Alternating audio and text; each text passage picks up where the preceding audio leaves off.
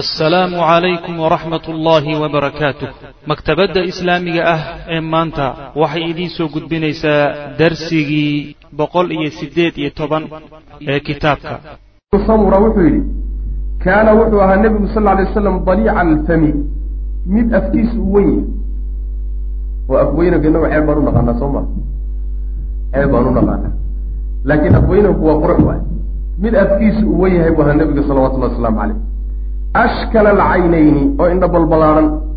Ashkalka waxaa la yidhahdaa ishu jeexdinta markay u ballaarhanta oo ay jeexdinteedu dheer tahay oo xagga u jeexan tahay ayaa ashkalka la yidhahda indhaha jeexdintooduna waa dheeraayeenoo indhihiisu waa waaweynaayeen. Manhuusa alcaqibayni cirhbo feenfeenan. Cirbihiisuna waa feenfeenaa waxaa laga wadaa manhuuska nahsiga asalkiisa waxaa la yidhahdaa markaad lafta feenato oo ilkaha yacni hore aada ku feenataa la yidhahda cidhbo feenfeenaana waxaa laga wadaa cirbihiisu hilib ma lahayn.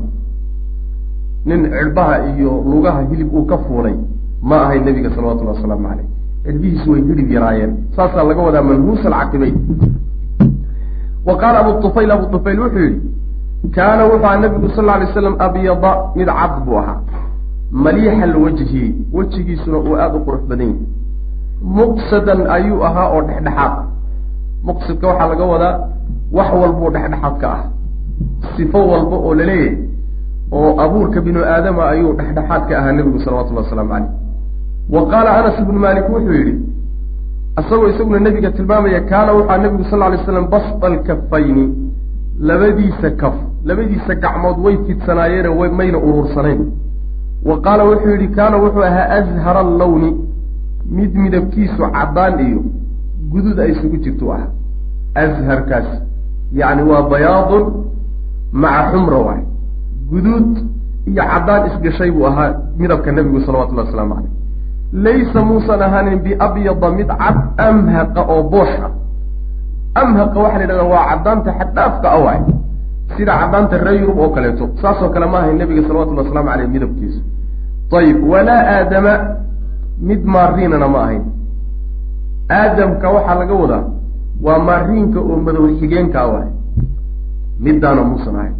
Haddii maariin madow xigeenana uusan ahayn cadda caddiin booshana uusan ahayn caddiin wuxuu ahaa marka guduud ku jiro saasaa macnaha laynoo tilmaami raba qubida waa la qibdooday nebiga sal alay wasalam oo waa geeriyooday walxaal laysa aysan ahayn fii ra'sihi madaxiisa iyo wa lixyati garhkiisa cishruuna shacratan labaatan timood baydaa oo cadcad markuu nebigu geeriyoonaya salawatullahi wasalaamu caleyh muusan ciraysanin. Timihiisi iyo garhkiisa haddii laysku daro cirada ku taallay labaatameeyo xabbay gaadhaysa wy maanaa meequuna jiray lixdan iyo saddex jir soomaalia lixdan iyo saddex jir maanta joogaayo. Imise madow baa ku yaalla kolle caddaan laysweydiinba maayo. Saas way maana macnaha tintii tinta yani waxa weeye ciradii waa yaraayee nabiga salawatullahi waslamu caleyh markuu geeriyoonayo wa qaala wuxuu yidhi anas inamaa kaana waxa uun ahaa shay-un wax yar ay min ashaydi oo cira buu ka wadaa ayaa fii sudqayhi nebiga dhafooradiisa ku yaalay labada dhafoor meeshaas ayaa waxaa kaga yaalay tima yar oo cira wa fii riwaayatin waxay ahayd wa fi ra'si madaxana waxaa kaga yaalay nabdu nabdun teelteel nabdiga waxaa laga wadaa yani meel timuhu kuma uruursanee xabad halkanay ku taallaa xabad gadaal bay ku taallaa xabad horey bay ku taallaa xabad geeskay ku taallaa mid gees kale ku taallaa waa teelteel waay macana saasaa laga wadaa. Wa qaala abu juxayfa wuxuu yidhi ra'aytu waxaan arkay buu ihi bayaadan caddaan baan arkay. Taxta shafatihi bishintiisa hoosteeda assufla ee hoose. Labada bishmood midda hoose hoosteeda ayaan caddaan ku arkay. Bu waxaa laga wadaa alcanfaqata fuduuqda. Canfaqada yhaha timahaas halkaa ka baxa oo macnaha waxa weeyaan bishinta hoose ka hooseysa fuuduuq baa la yidhaha somaali saas yidhaha yaani markay fuudka iyo wax la cabaayo ayay dhex gashaa. Marka fuuduuq way u baxeen. Marka halkaasa tima cadcad oo macnaha waxaa kaga yaalay oo yani cira ah. Meeshaana way ka soo baxeen.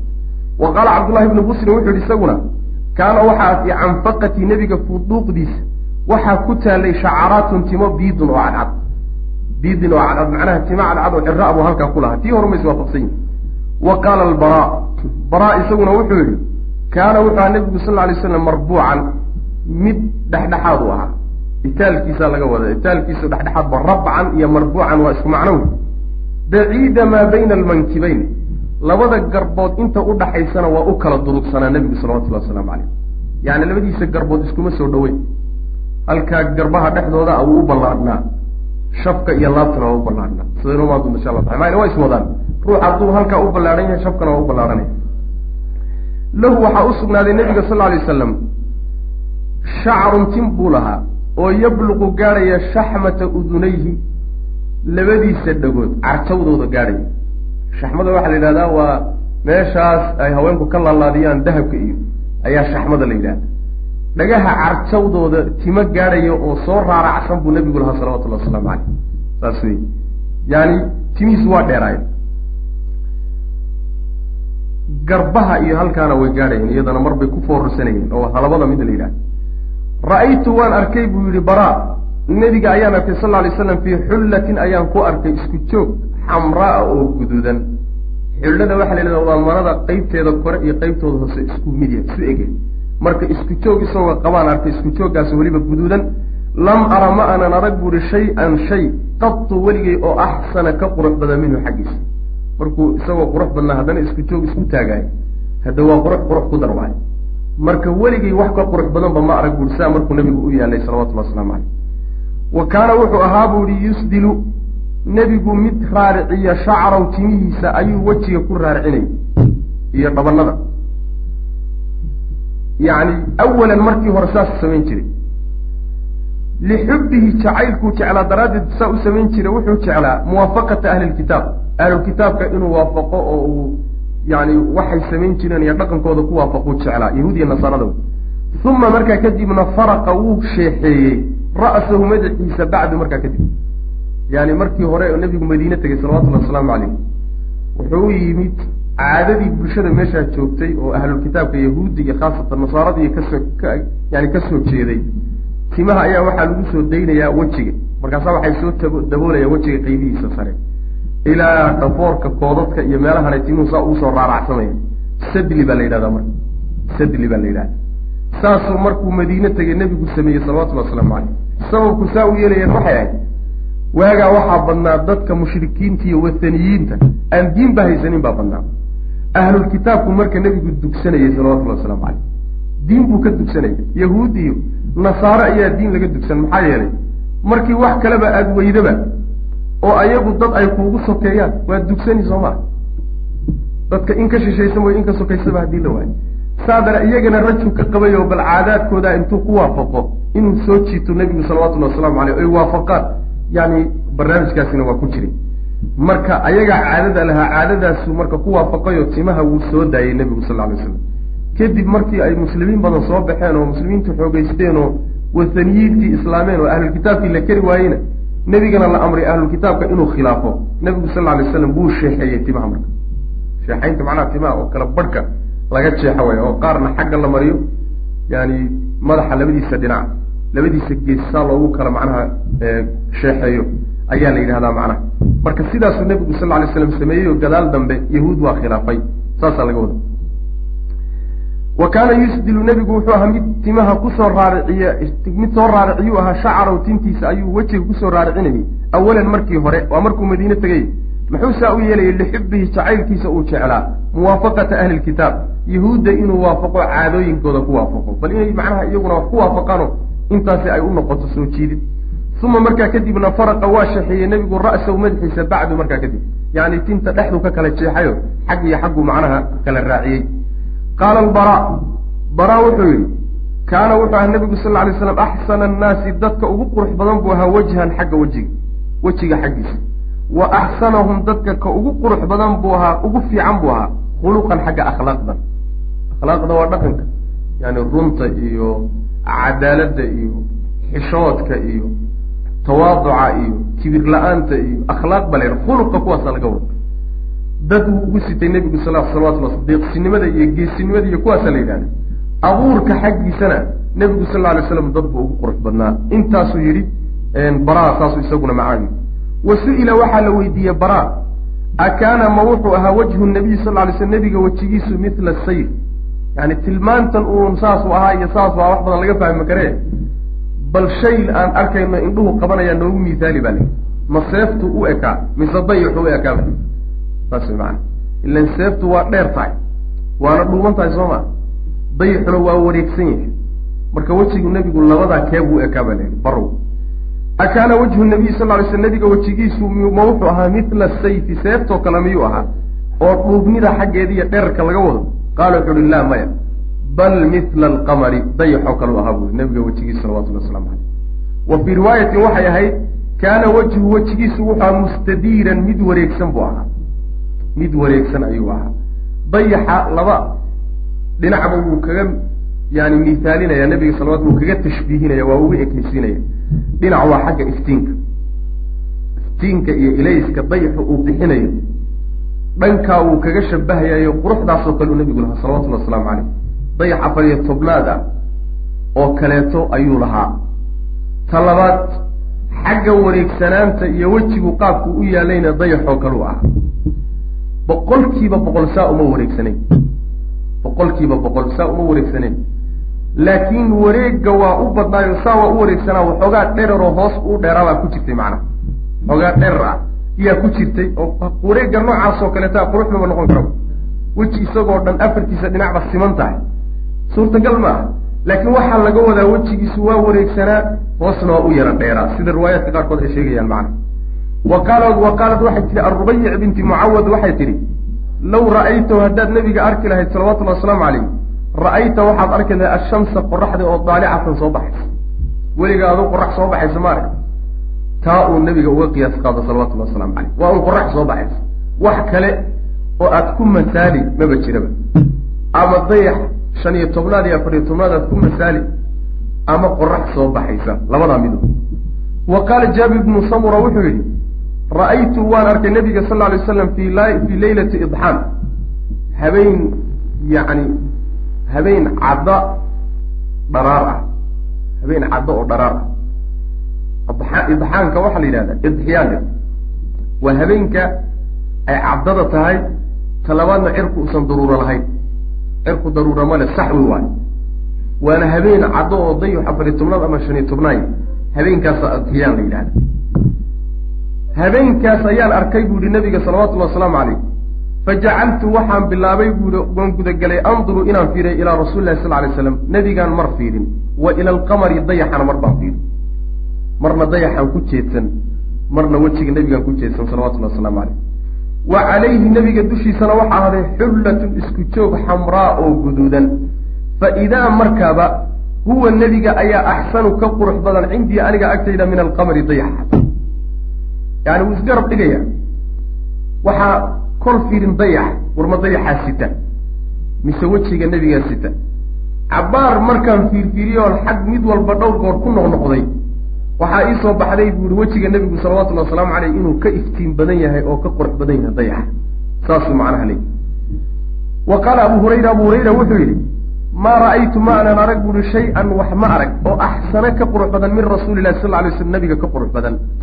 Kaana waaba iyadoo ashamsu qoraxdi tajrii socota fii wejhi wejigiisa ku socota yacni quruxdu say wejigiisa u buuxisay. Waxaad moodaa qorax jidkeedii haysato oo kaleeto inay qoraxi wejigiisa ku socotaad moodaa quruxdu say wejigiisa ugu socoto nabiga salawatullahi wasalaamu caleyh ee u iftiimaya macnaha wamaa ra'aytu ma arag bay tihi axadda ruux oo asraca ka degdeg badan fii mashyi socodkiisa min rasuulilahi sal alay wasalam socodkana ruux kaga degdeg badan ma arag. Waxay waa riwaayadan soo marnayo inuu meel taag oo sare ka soo daadegayaad moodeysaa markuu socdo nebigu sal alay slam yacni waxay kutusi quwadda iyo xoogga jidhkiisa ku jirta nin lugaha jiidahayo sidii ruux jiran oo kale u socdo ma ahay nebigu sal alay slam. Markuu socdo xoog buu u socon jiray. Wa kaannamaa waaba isagoo alardu dhulkii tutwaa loo soo duubayo lahu isaga. Yacni siduu tilaabada u qaadayo tilaabada markuu qaadayana waa kala fogeyn jiray nebigu sal alay slam. Lugta halka markuu dhigato kale waa fogeynaya. Meel fog buu ku dhubanaya nin lugii tilaabadiisu ku dhadhowdahay ma ahay. Ninku qaabkaasoo kale markuu u socdaayo markaas socodkiisu waxaad moodaa dhulkiiba in loo soo duubay. Yacni si deg deg uu meeshuu u socday ku gaarhaya dhulka in loo soo duubaad moodaa.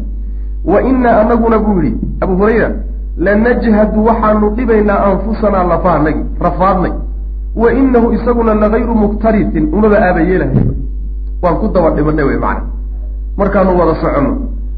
Isagu wax dhibaba mama dareemayaba umaba aaba yeelayaba annaguna tabar waxaanu lahayn oo dhan xanjeeranay oo maradii kor u qaadanay oo orodnay oo ruclaynay oo rafaadnay oo waa gaari lahay macna saasuu leey wa qaala kacb bnu maalik wuxuu yihi kaana wuxuu ahaa idaa sura markii nebiga la farax geliyo oo uu farxo istanaara waxaa ifi jira wejhu wejigiisaa ifi jira nebiga sal alay slam xataa kaanahu ilaa uu ka noqdo sidii isagoo qicatu qamarin gabal dayaxa oo kaleeta gabal iyo qayb dayaxa laga soo gooyey oo kale ilaa aad ka moodo ayuu nebigu wejigiisu iftiimi jiray salawatullhi waslamu caleyh markuu macnaha farxo oo macnaha laga farxiyo oo loo bishaareeyo oo wuxuu ku farxa loo sheegay nebiga sal alay slam wa caraqa cariqa nebigu waa wuu dhididay maratan mar buu dhididay. Huwa cinda caaishata isagoo caaisha agteeda jooga. Fajacalat waxay guda gashay. Fajacalad waxay bilowday de tabruqu tabruku ma tabruqu waay fajacalad waxay bilowday tabruqu inay macnaha iftiinto asaariiru wajhihi wejigiisa xariiqimihiisa ayaa bilowday inay iftiinto fatamahalat waxay miihaal ahaan ugu soo qaadatay lahu isaga caaisha miihaal u soo qaadanaysa biqowli abi kabiir alhudali min shaacir a ayay marka miihaal iyo tusaale ugu soo qaadatay markay aragtay wejiga nabiga sal alay slam asaariiru waxaa la yidhahda waa wejiga markii saas la yidhahdo macnaha la kaduudo jeexdimaha ka soo baxay. Halka macnaha indhaha korkooda iyo wejiga qeybtiisa sare ku taal ayaa asaariiru lwajhi la asirana waa la yidhahda soomaaliga maxaa lagu yidhahda jeexdimo wax ka badan yaa u garanay. Soomaaligu waa faqiir waay marka loo fiiriyo luqada carabiga ah waa luqa faqiira jiddan. Maxaya tudub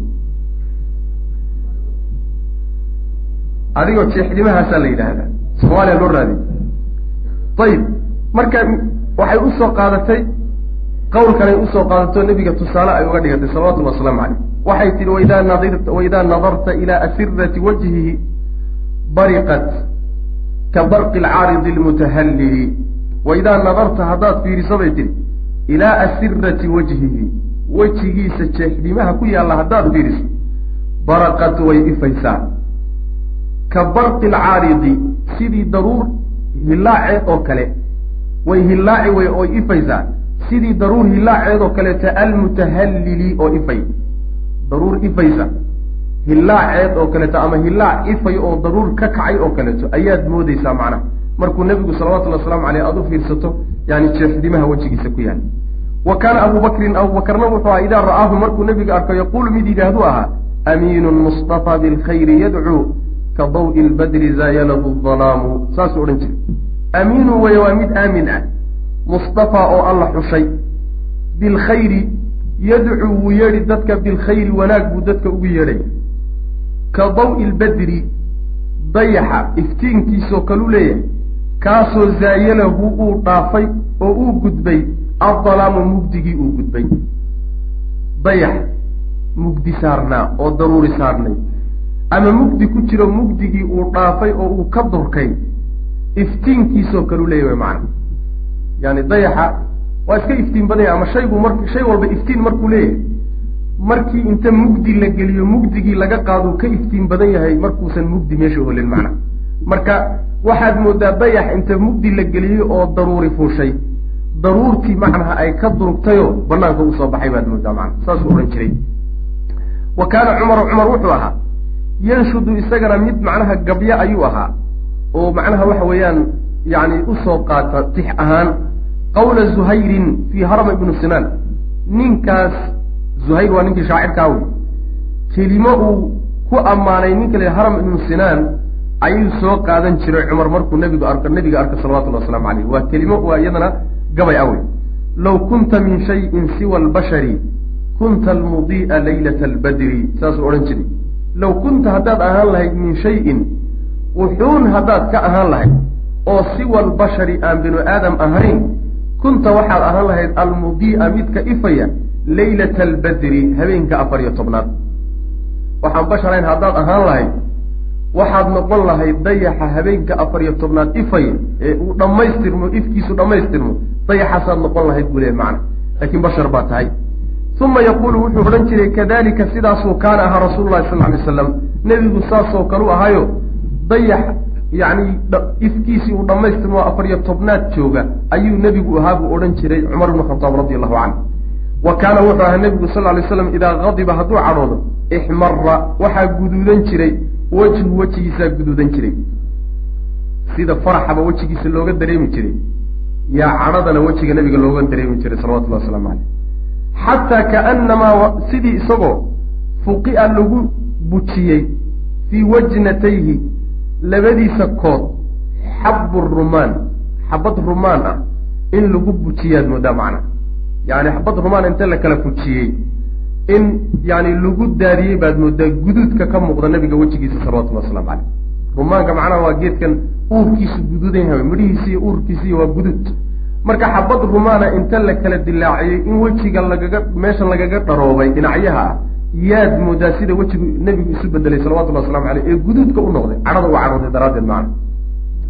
Wa qaala jaabir bnu samura wuxuu yihi kaana waxaa ahaa fii saaqayhi nebiga labadiisa dhudhun waxaa ahaa xumuushatun dhuubnaan.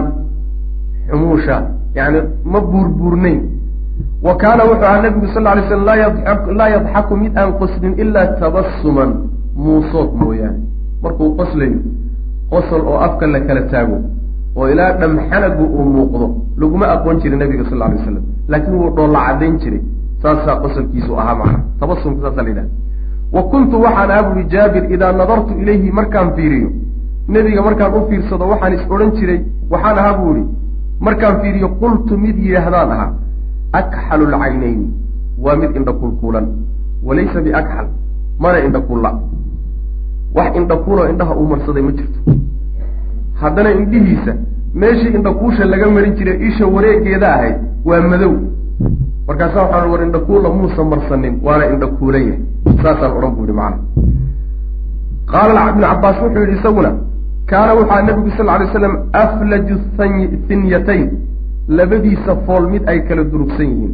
Fanax wey macana fanax buu lahaa nebigu salawatullhi waslamu aleyh oo foolashiisu iskuma dheganayni way kala qaadnaayeen. Fanax yar buu lahaa.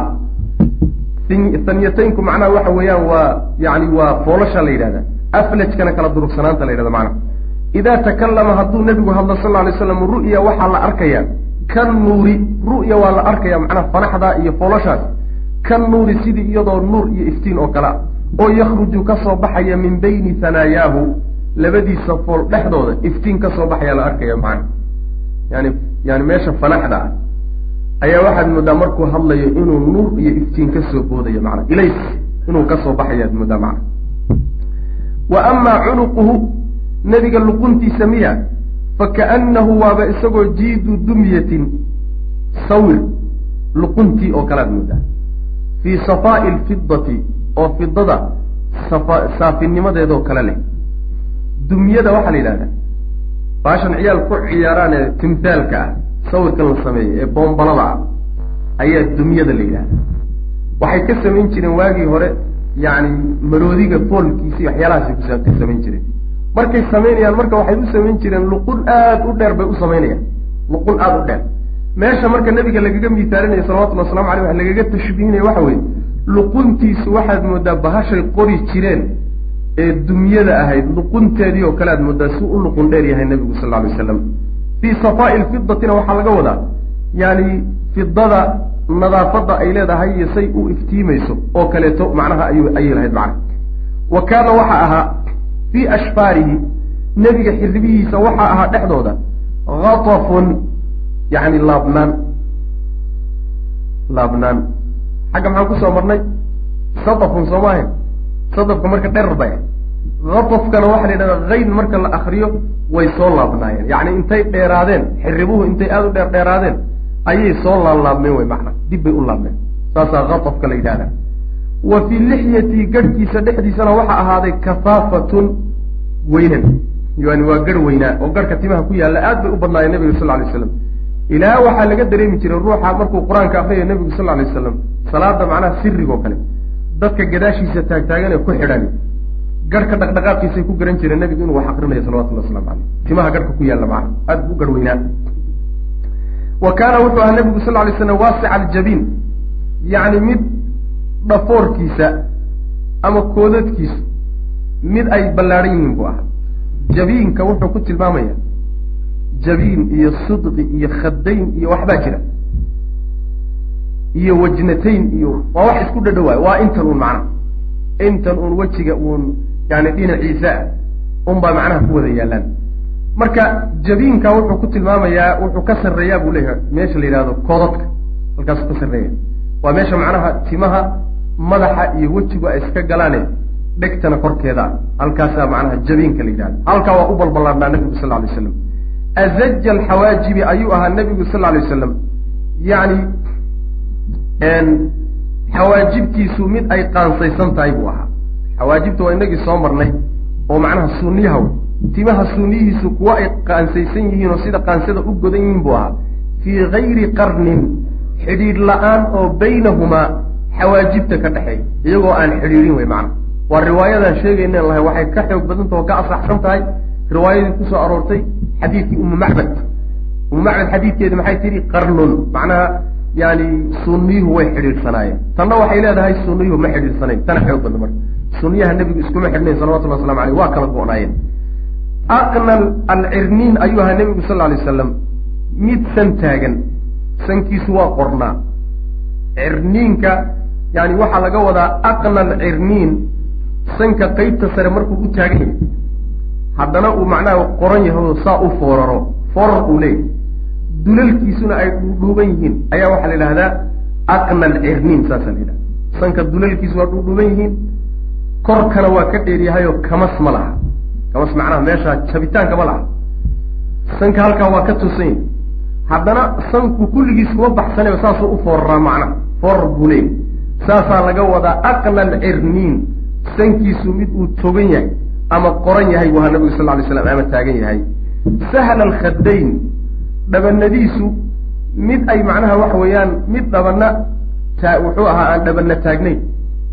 Yani sahalka waxaa la dhabana siman.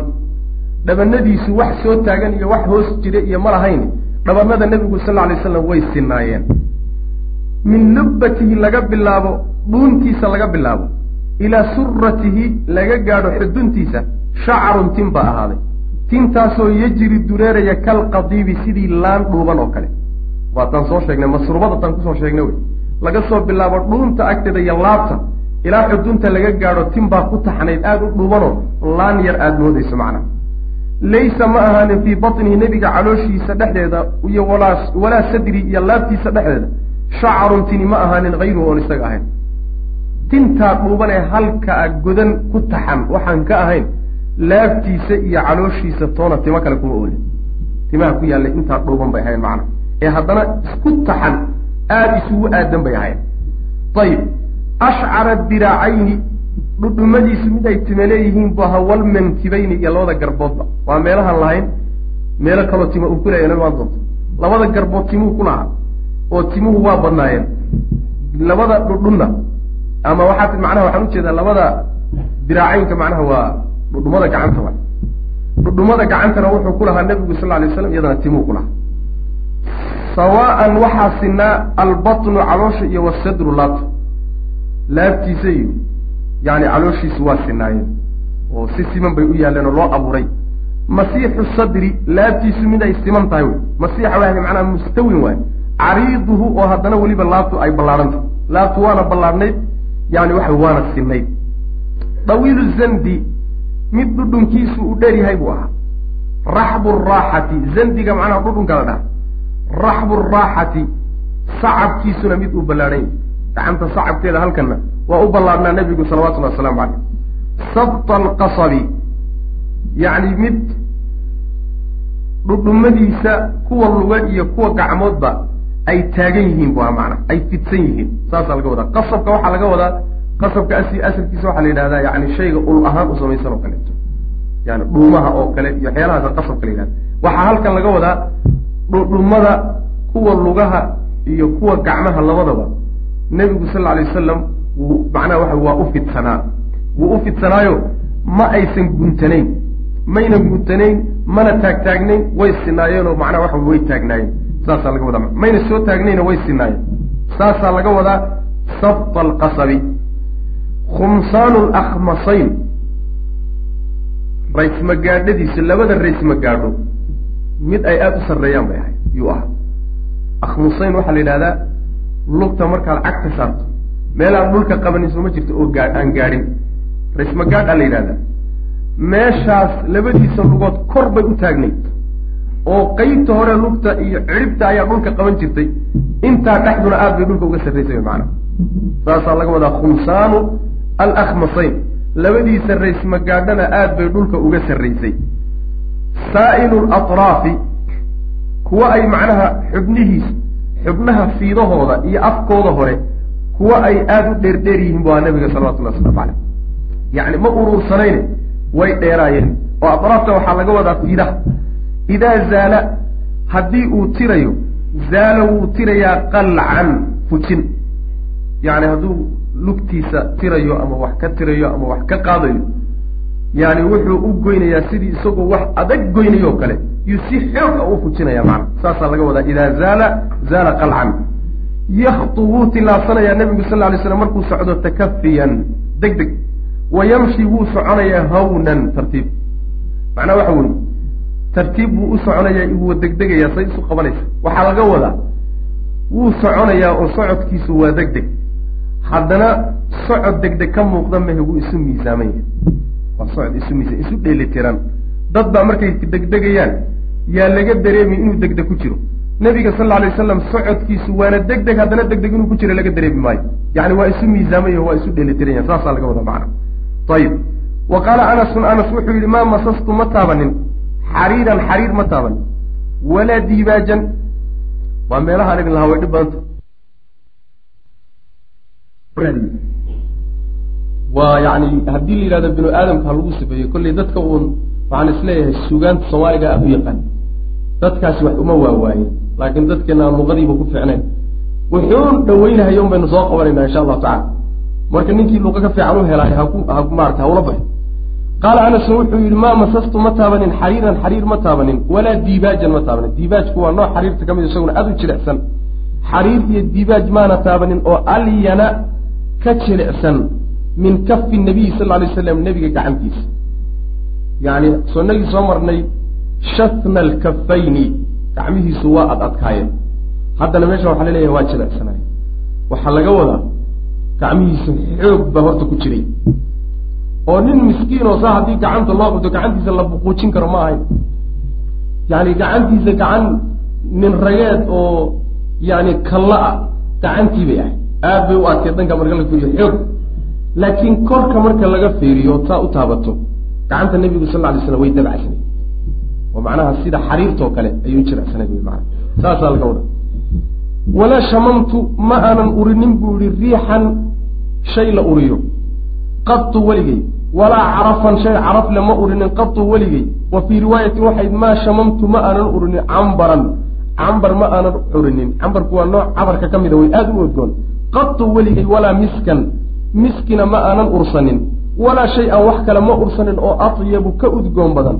Min riixin min riixi aw carafi rasuuli lah sal lay slam nebiga caraftiisa iyo udgoonkiisa wax ka udgoon badan. Weligay ma arag wax kastaba miski ha noqoto yacni cambar ha noqoto nooc walba oo waxyaalaha udka ka mida ursaday. Nebigana ursaday salawatullahi wasalaamu caleyh oo caraftiisa arkay weligay waxaan ku mataala maba arag buuhi macna. Udayga nebiga salawatullahi waslamu aleyh ka soo bixi jiray. Isagoo saa u udgoonaa ayuu haddana nebigu sal lay waslam wuxuu isticmaali jiray waxyaalaha ududgoon o dhan aad buu u jeclaa inuu is-udgiyo nebigu sal lay wasalam waana ka ummadda u jideeyo munaasabaad fara badan in lays udgiyo. Aad buu u necbaa in nebiga sal lay wasalam waxoogaa ur qarhmuun in ay macnaha oo dadku kala haystaan in xaggiisa ay ka timaado aad buu u necbaan jiray salawatullahi waslamu caleyh bal wuxuu yidhi laba shay lama diido. Laba shay haddii lagu siiyo oo laguu soo taaga lama radiyo waxaa ka mid a dhiibka iyo caanaha. Waa xadiis dhiibka iyo caanaha. Waxyaalo kaleetana waa jiraan. Mid saddexaad iyo mid afraad oo riwaayad kale ku daraan. Lakin labadaa sanada xusuusa wa qaala abu juxayfa wuxuu yidhi akhadtu waan qabtay biyadii gacantiisa. Gacanta nebiga sal lay slam ayaan qabtay. Fa wadactuhaa markaasaa waxaan dhigay calaa wejhi wejigayga ayaan saaray fa idaa markaaba hiya gacanta nebigu abradu waxay ka qabowdahay min athalaji min athalji barafkayba ka qabowdahay gacantaan soo qaado markaasaan isa saaray gacantiisa qabowgeeda waxayba ka daran tahay barafka farajanno dadkaynu dhihi jirna farajanno dadka lugaha iyo gacmaha iyo ka dhidida ee mar walba yani waxa weeyaan qabow gacmahoodii lugooda qaboya farajanna soomaalida dha ma aqaano ehel jannanabi waxbay u saadaalinayaan baan umale jannadii baa ka soo ifbaxday iyo taawiil noocaasay iyo qabaan baan umale wa atyaba ka udgoon ma aanan arag buu yihi raa'ixatan xagga urta min almiski yani ma aanan faidaa markaaba hiya gacanta nebigu abradu iyadaa ka qabo min athalji barafka. Wa atyabu ayadaa ka udgoon badan raa'ixatan xagga caraftana min almiski miskiga iyadaa ka udgoon badan. Wa qaala jaabir bnu samura wuxuu yihi wa kaana sabiiban miya ya? Sabiyan miya sabiyan wiil yar miyaa ma himacadda qaabkay uqoranta wuxuu yidhi yani wuxuuna ahaa jaabirkaasi sabiyan wiil yar buu ahaa. Wiil yar buu ahaa. Masaxa waxaa masaxay buu nebigu khaddii dhabankayga ayuu masaxay. Fawajadtu waxaan helay buui liyadii gacantiisa bardan qabow. Dhabanka markuu saa gacanta iga saaray qabow baan helay. Bui aw riixan ama caraf ayaan helay kaannamaa waa iyadoo akhrajaha uu ka soo saaray. Gacanta waxaabaad moodaa inuu ka soo bixiyey. Min juunati cabdaar nin cadarla-a santuuqii baad moodaa iyo boorsadii inuu ka soo bixiyey. Juunada waxaa la yidhahdaa waa dadka cadarka iibiyaay cadarka markii dukaamada uusan oolin. Meelaha lagu guro. Meela ay ku guran jireen oo lagu qaadan jiray baa juunada la yidhahda marka ama boorsadhe ama santuuqdhe meeshii cadarka lagu ridi jiray inuu gacanta kala ka soo saaray baad moodaa. Udgoonka gacanta nabiga sal ly slam ka soo udgaya iyo carabta wa qaala anas wuxuu yihi kaana wuxuu ahaa caraquhu nebiga caraqiisu allulu buu ahaa. Wa qaalat umu sulaym waxay tidhi huwa lulu-aasi min atyabi tiib waxyaalaha udgoonka ugu udgoon waayo. Wax la udgiyo ama carfo ayuu ugu udgoon badnaa. Wa qaala jaabir wuxuu yihi lam yasluk. Ma uusan qaadin ariiqan jid nebigu ma marin weligii oo fa yatabicahu uu raaco axadun ruux weligii jid intuu maray ruux kama dabagelin oo macnaha kama daba marin jidkii. Ilaa hadduu ka daba maro carafa wuxuu garanayaa ruuxaas annahu nebigu qad salakahu inuu maray jidkan min tiibi carafihi. Carafta udgoonkeeda meesha ka soo baxaysa daraaddeed. Xataa dhulkii uu maray iyo geedihii iyo hawadii oo dhan baaba udgoonba hawadii baa ka reebatay udgoonkii nebiga salawatullahi wasalaamu caleyh oo geedihii baa ka reebtay. Markaasaa jidkan markaad martaba waad garan inuu nebi maxamed maray salawatullahi wasalaamu caleyh udgoonka ka soo baxaya macana saasuu leeyay aw qaala wuxuu uhi min riixi caraqihi dhididkiisa udgoynka ka soo baxaya daraaddeed ayaa jidka macnaha waxa weye iyo hawadaba uu la ta'aturayo ood ku garanaysaa macna. Markaba waad garan. Wa kaana waxaa ahaa bayna katifayhi. Nebiga labadiisa garbood waxaa ahaa khaatamu khaatamu khaatamu nubuwa nebinimada kaatunteedii ayaa labada garbood dhexdooda kaga taalay mithla baydati alxamaam qooleyda ukunteedoo kale ah. Yani halka labada garbood dhexdooda waxaa ka saarnaa shay ukunta qoolaydoo kale aada moodo yaa halkaa kaga yaalay astaanna wuxuu ahaa in uu nebiyada ilaahay lagu khatimay oo uu ugu dambeeyey nebigu salawatullhi waslamu caleyh ukunta marka wuxuu uga ekaa xagga midabka iyo iftiinka iyo quruxda iyo ayuu ugu ekaa ukunta macnaha qooleyda oo aad bay u dhalaashaa. Yushbihu wuxuu u ekaa xagga midabkana jasadahu jidhkiisu u ekaa. Yacni waxay ahayd meel soo yara taagan jidhka lama sinayn jidhka waa ka soo yaro baxsanay. Sidii meel soo yaro foodhacday oo kale oo jidhka ka soo foodhacday ayuu u yara ekaa. Laakiin xagga midabka ma madoobeyn midab kaloo ka gedisan jidhkiisana ma lahayn. Midabka jidhkiisoo kaley meeshu lahayd. Haddana waa soo baxsanayd. Wa kaana waxa wuxuu ahaa khaatumtaasi waxay ahayd cinda naaqidi katif katifihi lyusra wa kaana de wa kaana alifta kaafta ku taagan. Yuu u xarakaynaya hamse dusha uga saaraya. Ma jiraa wa kaana inuu yahaan u malaynaya wallahu aclam wa kaana waaba isagoo waxaad moodaa cinda naaqidi katifihi garabkiisa carjawdiisa agtiisa garabkii alyusra ee bidixda ah garabka bidix carjawdiisa agtiisa ayaa waxaad moodaa in uu jumucan ama jamcan inuu yahay gacan la kuusay kaasoo calayhi dushiisa uu yahay ama hareerihiisa uu yahay khilaalun. Yani wa kaana bayna katifayhi khatamun midla baydat lximaam yushbihu jasadahu kaana cinda naaqidi katafihi lyusraa jamcan calayhi khilaan kaamhaal ha sax.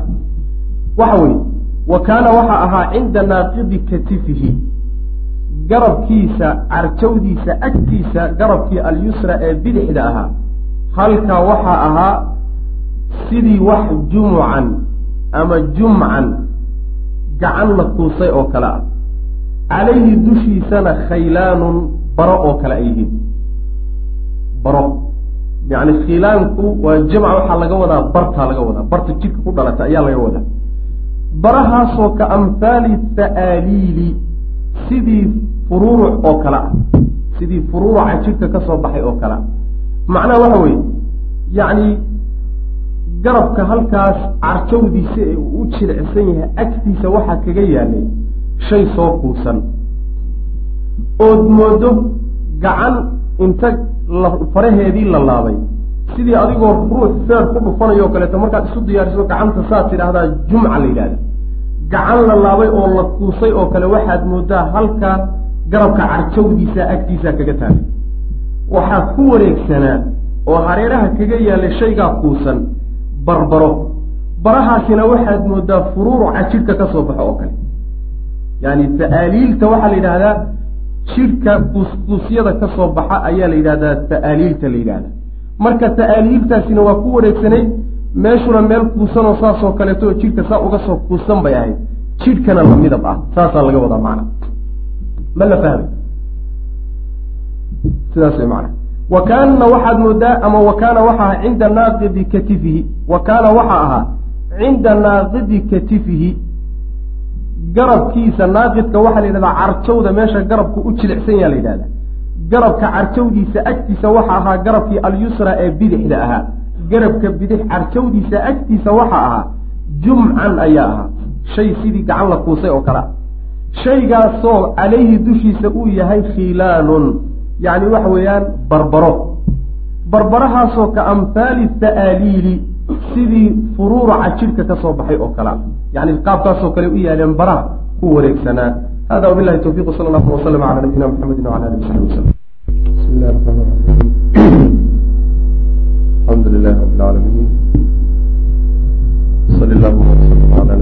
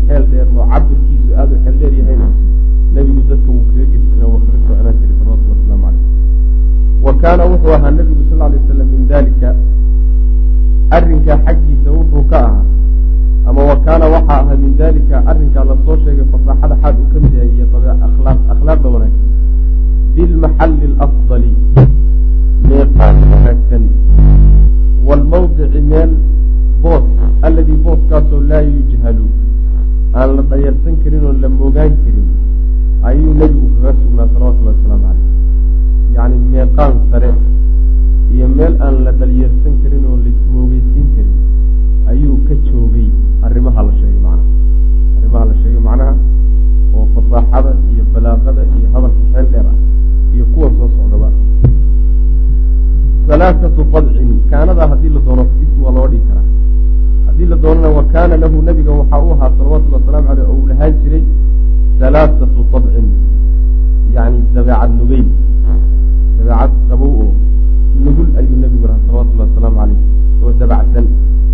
Wa nasaacatu lafdin iyo hadal cadaantii hadal cadaan nasaacada waxaa la yidhahdaa marka hadalka iyo luuqada loo adeegsanayo shaygu markuu waadix bayin a u yahay ayaa la yidhahdaa naasix markuu khaalis yahay oo barax uusan lahaynna waa la dhaha laakiin halka waxaa laga wadaa lafdigiisa iyo weedhiisa iyo hadalkiisu aad buu u caddaa macnaha.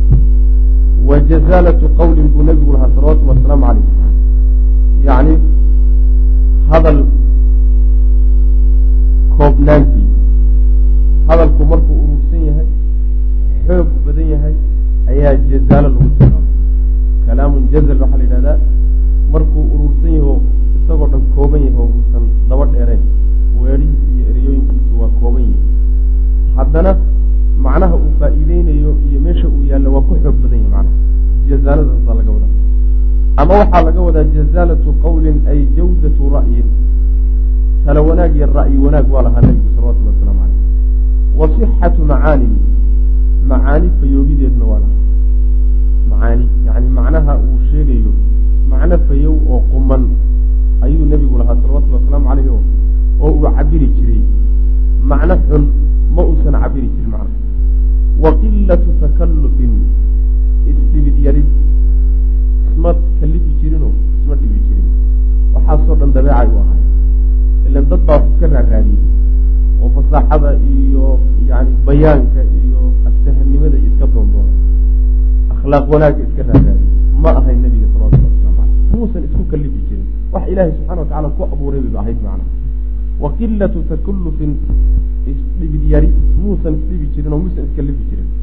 Utiya waxaa la siiyey nabiga sal lla alay wasalam jawaamica alkelimi yani weedho iyo hadal uruursan macnihiisuna ballaadhan yahay jawaamic alkamil waxa la yidhahdaa waa kelimooyin iyo ereyooyin. Hal ama laba ah ama saddex oo kooban oo tirsan haddana macnaha ay faa'iideynayaan badweyn marka la yidhahdo hala sharxo oo inta macne ku jirta ha laga hadlo wax la gaari karaba maaha kelime ahaan marka la yidhahdo loo tiriyana way koobantao ama waa laba kelimo oo saddex jumle wax kooban sida nabiga sal alay slam yidhi o kaleeto inama alacmaalu binniyaat meeqo kelimo waay. Waa saddex kelimo haddana maca dalika jumladaasi waxaa lagu sharxayaa kutub waaweyn oo mujaladaad ah. Yaa jumladaa keliya lagu sharxaya. Marka jawaamiculkelimkaas nebigaa la siiyey salawatullhi wasalaamu caleyh saas way macana qawaacid hadal uruursan oo lafdigiisu urursan yahay laakiin macnihiisu gudawan yahay. Kaana waa la siiyey nebiga sal alay wasalam wa kusa waxaa lagu goon yeelay nebiga sal alay wasalam oo dadka lala dheeraysiiyey bibadaa'ici alxikam murtida. Murtida mideeda ugubka ah xikamku macnaha waa murtida la yidhahda badaa'icuna waa jamcu badiic badiicana waxaada shayga cusub een lagaaga horreynin marka murti ugub ah oon looga horreynin oo isagu bilaabay ayaa nebiga salawatullhi wasalaamu calayhi lagu goon yeelay wa cullima waxaa la baray nebiga sal lla lay slam alsinat alsinata alcarab carabta luqooyinkeedaa la baray yukhaadibu la hadli kulla qabiilatin qabiilo walba wuxuu kula hadli jiray bilisaanihaa carabkeeda wa yuxaawiruhaa wuxuu kula doodi jiray biluqaatiha biluqatiha luqadeedu kula doodi jiray macnaha qabiilooyinka carabeed lahajaadkooda iyo waa kala gedisna fawaariq baa udhaxaysa haddana luqooyinka iyo lahajaadkaas nebigu salawatullhi wasalaamu calayhi carab dhexdeed in looga turjumo muusan baahnaan jirin qolo walba luuqadooda iyo lahajadooda ayuu kula hadli jire oo kula doodi jiray nebigu sal lay slam saasuu leeyay ijtamacat waxaa ku kulantay lahu nebiga oo isugu tagtay quwatu caaridati albaadiya baadiyaha fasaaxadiisa xooggeedii wa jazaalatiha iyo uruursanaanteedii taa iyo waxaa isugu tegey oo ku kulmay wa nasaacatu alfaadi alxaadira magaalada alfaadeeda caddaanteedii iyo wa rawnaqi kalaamiha magaalada hadalkeeda quruxdiisii iyo iftiinkeeda labadaasuu kulansaday laba shay buu kulansaday baadiyuhu horta nebigu sal lay slam nolosha qaybteeda hore ku qaatay baadiyaha waxaa lagu yaqaanaa hadalka cabiridiisa iyo fasaaxadiisa. Baadiyuu yaalla saas way macana maxaa yeele luqaadka inta badan markii magaalada la yimaado ummado badan baa isugu yimaado ikhtilaatu luqaad waxeelada ka dhaca marka. Luqaadkii baa tadaakul sameeya isdhexgala. Fasaaxadii baa marka kulmi laakiin baadiyaha luqadii oo asal ah taalla macna.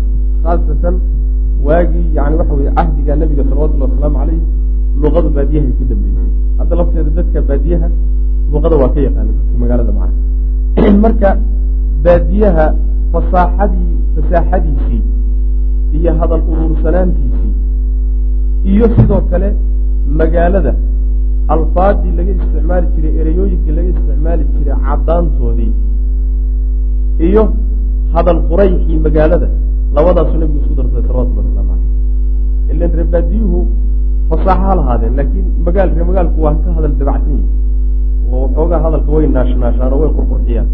Hadal qurayxii magaalada iyo caddaantii alfaadooda oo alfaadda ay hufaan oo ay kala marhaan iyo yani taana magaaladuu ka qaatay nebigu sal lay slam oo intuu magaalada joogay macnaha waa ka qaatay. Baadiyaha muddadii hore uu ku soo korana luqa adaygoodii iyo yani luqada asalkeedii iyo fasaaxadii asalka ay ulahayeen buu ka soo qaatay nebigu sal lay slam marka luqadiisu waa mid magaalo iyo mid baadiye labadaas isu tegay mana ijtamacad lahu nebiga waxaa u kulantay quwatu caaridati lbaadiya caaridada waxaa la yidhahdaa. Macaani dhowraba waa la yidhahda alra'yu ljayid waa la yidhahda caaridada. Yani ra'yiga toosan caarida waa la yidhahda waxaa kaloo la yidhahdaa tanqiixu lkalaam hadalka kala hufidiisa iyo kala gurgurintiisa iyo kala sifayntiisana waa la dhahaa caaridada waa la yidhahda bayaanka iyo fasaaxadana waa la yidhaha caaridada saasaana laga wada hadla fasaaxadaasaa laga wada macna ijtamacad lahu nebiga waxaa u kalantay quwatu caaridati lbaadiya baadiyaha fasaaxadiisa xooggeedii yani fasaaxadii xooga badneed ee baadiyaha taallay wa jazaalatiha iyo fasaaxadaas koobnaanteeda yani ereyooyinkeedi iyo weedhaheedu say u urursan yihiin. Wa nasaacatu iyo maxaa kale? Wa nasaacatu alfaadi alxaadira magaalada alfaadeeda caddaantoodii wa rawnaqi kalaamiha iyo magaalada hadal qureexeedii macna. Rawnaqa waxaa la shaygu markuu yani ifahayo oo quruxsan yahay oo dusha uu ka dhalaalaya la yidhahdaa rawnaqa saasa la yhahda mana ila ta'yiidi maca ta'yiidi ilaahiyi ayadoo weliba lala qabo xoojintii ilaahay uu xoojinayay. Alladii allahaasoo madadahu ku taageeray alwaxya waxyiga ku taageeray. Isla markaa waxaa meesha ku jiray noloshii baadiye iyo tii magaale isku darsaday luuqadu ka kasbaday waxaa dheeraa ilaahay baa garab taagnaa subxaana wa tacaala. Oo macnaha waxa weeye waxyiga iyo xagga ilaahay ka imaanaya iyo hadalkii alla subxaana wa tacaala oo hadalka makhluuqa aan la mid ahayn fasaaxadiisa iyo balaaqadiisa iyo qaabku u yaallo taasina waxay ahayd shay uu ilaahay nebiga ku garab istaagay salawatullahi wasalaamu caleyh marka makhluuqa marka la yidhaahdo cilmigii agtooda yaallay iyo luqadii agtooda taallay uu ugu horreeya haddana wuxuu la dheer yahay xagga ilaahay baa laga hagayey subxana wa tacala oo luqadiisa iyo aad buu uga kasbaday qur'aanka laftiisa luqo fara badan iyo macnaha fasaaxo iyo balaaqo badan saas. Wa kaana wuxuu ahaa alxilmu dulqaadku wuxuu ahaa walixtimaalu iyo adkaysigu ixtimaalka waxaa la yidhahdaa diinta darteed dhibka kuusoo gaadhayo oo loo adkaysta la yidhahda ixtimaal haddaad maqasho kaana wuxuu ahaa alxilmu dulqaadka iyo walixtimaalu adkaysiga diinta darteed loo adkaysta dhib kuusoo gaadhay. Walcafwu iyo iska cafin dadka laiska cafiyo cinda almaqdirati markaad awood u hesho. Adoo awood u heli karoo ka argoosan kara in layska cafiyo dadka oo layska dhaafo. Wasabru iyo sabir. Cala almakaarihi waxyaalaha naftu kohanaysa ee dhibsanayso lagu sabraayo arrimahaasi waxay ahaayeen sifaatin bay ahaayeen. Tilmaamo ayay ahaayeen. Tilmaamahaasoo addabahu uu ku leeliyey oo ku rabeeyey allahu alle uu ku rabeeyey nebiga biha iyada intaasiba waxay ahaayeen tilmaamo aada u sarreeyey sifaat fiican oo nebiga ilaahay ku leeliyey subxaana wa tacala lagu rabeeyey saas way macana yani waxa weeyaan dulqaadka sabirka iska dhaafidoo dadka yani layska cafiyo adoo awood u heli kara inaad ka ardoonsato waxyaalaha naftu nacayso yani waxa weya lagu sabro wa kullu xaliimin nin walba oo marka dul badan oo dulqaad badani qad curifat waa la ogaaday minhu xaggiisa waxaa laga gartay oo laga ogaaday zallatun simbirixo yani nin walba oo dulqaad lagu yaqaano oo lagu sheego farta lagu fiiqaayo simbirixaa loo hayaa macnaha. Maalin uu macnaha waxa weye dulqaadkii ka tegey yaa la hayaa. Wa xufidad waxaa loo xifdiyey oo loo qabtay canhu xaggiisa waxaa laga xifdiyey hafwatun dhicitaan iyo kufitaan ma jiro nin dulqaad badan oo dulqaad lagu sheego oo ka mid a addoommada ilaah ilaa maalin uu kufay baa jirta. Oo macnaha dulqaadkii uu ka tegey ama maalin uu simbirrixday baa loo hayaa oo taariikhda u gashay oo dulqaadkii iyo meeshii ku habboonayd uu ka tegey ruux macnaha waxa weeyaan daa'iman dulqaadkaad ku taagnaa oo marna aan simbirraxanin lama helayo. Taas waa mid nebigu ka soo reebi salawatullahi waslamu caleyh walaakinahu sal alay slam nebiguse lam yazid ma uusan kororsanin maca kasrati aladaa iyadoo dhibku uu badnaa la dhibayey isagoo weliba aada u badnaa haddana nebigu muusan kororsanin salawatullahi wasalaamu caleyh ilaa sabran. Sabir iyo adkaysi iyo dulqaad mooye wax kale muusan kororsanin. Macnaheed waxa weeye mar walba oo dhib ku yimaadaba oo la dhibaba nebigu sabir iyo adkaysi unbuu macnaha sii kororsanay mar uu simbirrixday oo uu kufay oo uu sabirkii seegay lama hayo sida kuwa oo kale wa calaa israafi aljaahili walam yazid ma uusan kororsanin. Calaa israafi aljaahili ka wax magaradka ah xadgudubka uu ku sameeyey muusan ka kororsanin ilaa xilman dulqaad mooye. Dadka aan waxba garanaynin ee juhalada ahee yani aan caqliga badnayn xadgudubka ay ku samaynayeen munaafiqiin ha noqdeen gaala ha noqdeen muslimiinta laftooda qaar ka mid ha noqdeen dhibka kaga imaanayeyna nebiga salawatullahi wasalaamu caleyh uma kordhinin ilaa yani waxa weeyaan xilmi iyo dulqaad unbuu sii kordhiyey. Soo ruuxa lama yidhaahdo yani markii dhibku ka bato ka bato ka bato ba marka dambe macnaa waxa weye dulqaadka ka dhamaa durwaa daale dirirtiisaa loo tagaba somalia nebiga salawatullahi wasalaamu caleyhi dulqaad inuu sii kororsado mooyaane dulqaadkiisu maba dhammaanayaba mar alla markii dhib loo sii geystaba dulqaad iyo macnaha sabir buu sii siyaasanaya saasuu macnaha inoo sheegay. Qaalat caaishatu caaisha waxay tihi maa khuyira lama doorgelinin. Rasuululahi sal lay sl nabiga lama doorgelinin bayna amrayni laba arrimood dhexdood. Yacni laba arrimood kala dooro weligii lama dhihin. Ilaa haddii la yidhahdo ikhtaara wuxuu dooranaya aysarahumaa labadaa midka fudud buu nabigu dooran jiray salawatullah waslamu caleyh maa lam yakun hadduusan ahayn weeye isman dembi haddii laba shay la yidhahdo kala dooro. Kolba kii fudud buu nabigu qaadan jiray sal lay slam khaasatan tashriica iyo diinta jidaynteeda ummadiisuu la jeclaa fudaydka nebigu salawatullah waslamu caleyh ilaa shaygaasi in la yidhahdo dembi baa ka imaan mooye. Oo hadduu dembi yahay dadka ka ugu fog buu ahaa nebigu sal lay slam aad bu uga fogaan jiray. Fain kaana hadduu yahay isman dembi hadduu yahay kaana wuxuu ahaa nebigu sal lay slam abcada annaasi dadka ka ugu fog buu ahaa. Canhu dembigaa xaggiisa dembigaasoo laga fogaado dadka ugu sita buu ahaa nebigu sal lay slam aad buu uga fogaan jiray waman taqama mana uusan aargoosanin linafsihi naftiisa weligii uma aargoosanin yacni lafihiisa oo dhib loo geystay weligii nebigu uma argoosanin salawatullhi wasalaamu caleyh aflagaada loo geystay ama adin wax lagu yeelay lafahaygii baa wax la yeelay oo aan u argoosanaya ma dhicin. Ilaa an tuntahaka in la qarariyo oo lagu tunta mooyaane xurmatullaahi ilaahay xurmadiisa ilaahay maxaarimtiisa iyo waxyaaluhu xurmeeyey iyo wuxuu xarimayey in lagu tunto sharcigii meel lagaga dhaca mooyaane oo fa yantaqimu markaasuu aargoosanayaa lilaahi ilaahay dartii buu aargoosan. Biha xurumaadkaasi meel lagaga dhacay daraaddeed buu ilahay u aargoosan nebigu sal alay wasalam yani markaas diinta marka meel lagaga dhaco nebigu sal alay wasalam markaa dadkii diinta meel kaga dhacay inuu u gacan qaado ama afka wax ka yidhaahdo. Yani waxa waa dhacdaa taasi marka waa ilaahay daraaddii iyo diintii darteed mooye isaga lafihiisa maaha weligii lafihii wax loo geystay nebigu uma argoosanin sal alay wasalam wa kaana wuxuu aha nebigu sal lay slam abcad annaasi. Dadka ka ugu fog buu ahaa qadaban cadhab cadho la cadhoodana dadku ugu fogaa. Wa asracahum ka ugu degdeg badan buu ahaa ridan xagga raalli noqoshada. Haddii la raalli geliyana ninka dad ugu degdeg badan buu ahaa raalli noqoshada. Inuu raalli noqdo macna oo dadka iska cafiyo yani ka raalli noqdo wixii dhacay. Wa kaana waxaa ahaa walaalayaal darsigaani halkaas ayuu ku eg yahay.